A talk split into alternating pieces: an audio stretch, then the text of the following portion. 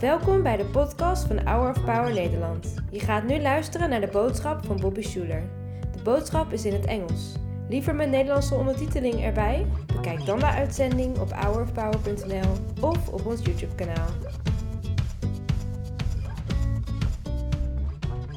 Well, welcome to the beautiful pools of Bethesda.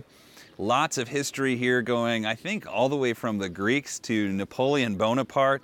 All sorts of people have been here and claimed this property. You'll see there's a church behind me with a French flag over it. Beautiful church, full of um, you know people love to sing when they go there. It has echoing noise. But the thing that's most known about this place is the chapter from John chapter five, where there's a man who's invalid and has been trying to get well for 38 years trying to get in the water when it's stirred and can't seem to find the opportunity to get in. And that's when the famous rabbi Jesus enters the picture and heals him.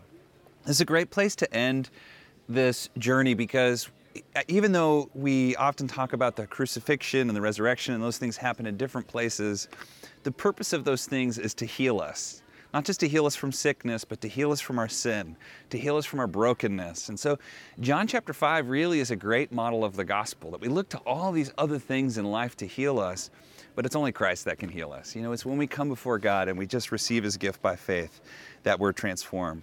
And that's a good reminder that even though you're not here with us in Jerusalem, and even though this is an amazing, special place, and even though God's presence is here, God's presence is with you right where you are in the same way that it is here. And the thing that makes it real is, is, is faith and trusting that God's word is true. And that's, that's why so many people have such a great experience when they come to Jerusalem is they're able to dig deep and find the faith. But you can find that wherever you are. If you're in LA, if you're in New York, if you're in Berlin, if you're wherever you are, if you're in Amsterdam, if you're in Sydney, you can reach down deep and experience the Holy Spirit in the same way. God wants to be with you. So people came here because they wanted something. They wanted to be well. You know, they were most of them were sick, and you look at how huge this place is. It's massive. I wish you could see it. It's the size of like it feels like two football fields or something. It's it's a massive space. And so you think people came here. There was probably people all over, and they were just hoping for that one moment that the water would swirl and they could jump in and get well. So people came here because they wanted something. Most of the people that came to Jesus didn't want to get something like a message from Jesus or like learn some wisdom from him. Most of them wanted something. They were hungry, they were sick, they were poor, they needed help. And so they came to the great rabbi because they needed a miracle. Maybe today you need a miracle in your life. Maybe your life you just feel like you're sick and you're never going to get well. Maybe you feel like you're lost. Well, the good news is you can be found. Maybe you're brokenhearted. The good news is God can heal your heart. Maybe you feel betrayed. The good news is God can help you trust again. Maybe you feel ashamed. God can heal you and cleanse you and give you a new beginning. Maybe you're broke. He can give you your daily bread and all you need to sustain your life. Maybe you're angry. You can be at peace again. And this is the good news of the gospel. In Hebrew, there's this word shalom, which we say all the time. You know, when you hear it in Israel, you go around and say shalom. It's a greeting.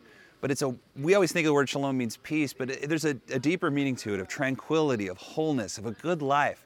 And this is what god offers us. He offers us the good life the best way to live. And that's what we find in christ. So maybe you want these things. You want to be well. You want to be whole. You want to have friends. You want your life to grow. You want to live the fullness of what you were born to be. But there is a price the price that you have to pay is to turn your back on the thing that made you sick. Many of us, we want these things, we want a better life, but we're not willing to turn our back on the people, the substances, the places, the jobs that are keeping us stuck in a rut. And so maybe a message for you today is turn your back on the thing that's wrecking you. Turn your back on the thing that's making you sick or on the things um, that have you stuck in a rut. So that brings us to John chapter 5. And this is an amazing story. I'll just read it again, even though Hannah did a great job. starts with this John chapter 5, verse 1. Sometime later, Jesus went up to Jerusalem for one of the Jewish festivals. Now, there is in Jerusalem near the sheep gate a pool, which in Aramaic is called Bethesda, and which is surrounded by five covered colonnades. We couldn't find those, by the way, when, when we were looking, but, uh, but they, we know this is the spot. And it says, Here a great number of disabled people used to lie the blind, the lame, the paralyzed. One who was there had been invalid for 38 years. So think about that 38 years he was sitting here. When Jesus saw him lying there and learned that he had been in this condition for a long time, he asked him, Do you want to get well? These are words that haunt me because you know, the man obviously wanted to get well. You'd think he was at the pools of Bethesda to get well, but Jesus asks him the question anyway. He, he says, Do you want to get well? And as you think about that, Jesus probably knew something about this guy. Maybe he did want to get well, and maybe he didn't. So you say, Well, why, why wouldn't the guy want to get well? One reason might be that because, you know, he's got friends at this place. This is full of people. You don't sit in one place for 38 years with a bunch of people around and not, you know, make a few buddies. Maybe he thinks, if I'm well, I'm not going to be able to hang out the pool of Bethesda anymore with Joe and Jack and Bob and Ryan and all my friends. It's amazing how often people that we love, people that we care about, can keep us unwell, can keep us stuck in a rut. Second reason the man at the pool Bethesda might not have wanted to get well is, to be honest, this was a nice place. I mean, look at it. Look at these. You, I mean, it doesn't look super nice now. It's you know been a little run down, but back then, wow, it would have been beautiful. The marble and the water and you know colonnades and coverings and this was nice stuff. And if he if he'd been here for 38 years, he probably didn't have a home, probably didn't have a place to go. But here, if you're by the pool, you know it's a it's a safe place. very often, we don't get where we want to go in life. We don't make progress in life ironically, because we're too safe. Maybe you know a 30 something year old guy who wants to you know, have a great job, wants to have a family, wants to get married, but he's living in his parents' basement. You know, or maybe you know somebody who they want to start a business, they know they can launch and get out there and, and pursue their dreams, but they're at a really safe job. And so they love the safety of the job, but they hate the job itself because maybe it pays too good or they don't want to give up a salary. And so somehow, sometimes the nice place, the safety of it all, keeps us from becoming who we're really called to be. And I think this is what happens to a man. When you think if a guy sits in one place for 38 years, maybe the first few months he was trying, but after a while, you kind of wonder if he's just given up. And that brings us to verse 7. Jesus asks him, Do you want to get well? And in verse 7, he says, Sir, the invalid replied, I have no one to help me into the pool. And when the water is stirred, and while I'm trying to get in, someone else goes ahead of me. Notice how he doesn't just say, Yes, I want to get well. You think if Jesus, famous rabbi, said, You want to get well, he'd be like, Yes, heal me. He doesn't say that. He's, he gives a bunch of excuses and reasons why he couldn't get in the water. And it's, it's funny when you see that. Again, every in life, every decision is a thousand renunciations every decision you make for God, for your family, for your life, for personal growth, for who you want to be, every time you make one of those decisions, you're rejecting other things in your life. Every one yes in your life is a thousand no's. And that's why it's hard sometimes to turn your back on the thing that's making you sick. I had a really good friend who was a great snowboarder, got in a terrible snowboarding accident, broke his back, had a couple of surgeries to try and fix it. It got worse and he was on these pain pills to get better over time. And he just was stuck on pain pills forever. And finally, one day, there was a procedure that came out that healed his back. And he was fine. He was walking normal. He had no more back pain, but he couldn't give up the pills. It was four years he went taking those pills, and he knew they were wrecking his life. And he turned to Christ and he cried out to God. He said, Lord, I don't need these pills anymore, but I want them. Every day I feel like I need them. And God gave him freedom. But it's amazing how sometimes there's an excuse, like a sickness or a thing in your life, that you use because the, the deeper thing is you really wanted the pills. Do you want to get well? You have to turn your back on the thing that's making you sick. Do you want to get better? You have to turn your back on the thing that's making you average. Do you want to grow? You have to turn your back on the thing that's making you comfortable. If you want to get an awesome church, you have to get up in the morning and go to church. If you want your family to get better, you probably have to turn your back on some of the rounds of golf or some of the times with your friends or the time you're spending at, at work. If you want to turn your back on addiction, if you want to get rid of addiction in your life, you're going to have to reach out for help. And this is the hard thing about life is that we just don't feel like it. We want it, we want to get better, but when push comes to shove, we just don't feel like it. Not you, my friend, not anymore. Not anymore. It's time to make a change in your life. It's time for you to get a heart for the kind of person you can become. And not just for you, but for the people that need you. There are people in your life that need you, that love you. And one of the best reasons we can become the best version of ourselves, to get better, to get well, to beat the things that are dragging us down, to conquer our addictions, to, to grow as, as disciples of Jesus, is because that's what people need from us. And that's what the Lord needs from us. He needs committed disciples. And of course, so the man makes a bunch of excuses, but finally Jesus just gives him a choice. He gives him a moment. And in verse 8, he says, Then Jesus said to him, Get up, pick up your mat, and walk. Now he has a, he has a moment there, right? The man can't walk. So he has a, a decision there to try in faith to believe the word of God and just stand up, or to say, No, I don't feel like it because I don't want to lose my friends. I don't want to lose my pool. I don't want to lose my handouts. And by the way, if it doesn't work, that's kind of embarrassing. He doesn't think about any of those things. And congratulations to this guy. He just gets up and he walks. And he picks up his mat and does it on the Sabbath, which is also a big deal.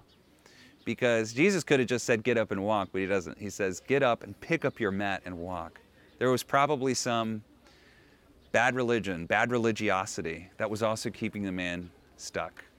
At the end of the day, it's not religiosity that heals us. It's not special pools that heal, heal us.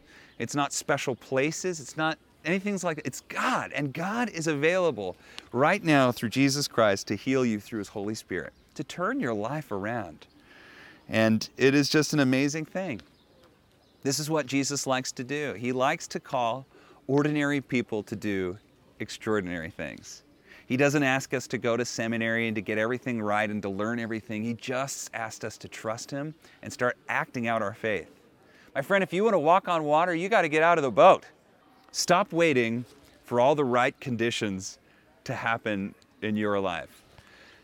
So often we are waiting for summer and not winter. We're, we're waiting for all the winds to blow in the right way. We're waiting for all the conditions to be perfect. We're waiting for all the right people to come along. But the truth is, that's what the man was waiting for. He was waiting his whole life for the water to swirl and for him to be the closest and to get in. It's never going to happen if you're waiting for conditions to be right and perfect. It's just not going to happen.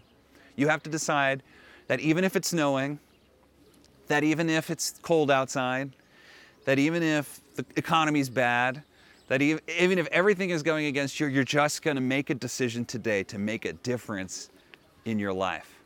So often we think, my life will get better when my spouse gets better. My life will get better when my employer gets better. My life will get better when the economy is better. My life will get better when the party that I like is in power. My life will get better when interest rates are better. My life will get better when taxes are better. My friend, can I tell you, things only get better when you get better. You don't have to, you don't need any of those things to change for you to become better. You can become smarter, wiser. You can go deeper in your walk with God. You can beat the things in your life if you're hand in hand with Christ. Things get better when you get better, not when the water starts swirling and you get in. Things get better when you look to Christ and He transforms your life. It's interesting. I had a friend of mine that told me interesting. This is great reflection. He says, you know, human beings are the only beings on earth that can be less than they were created to be.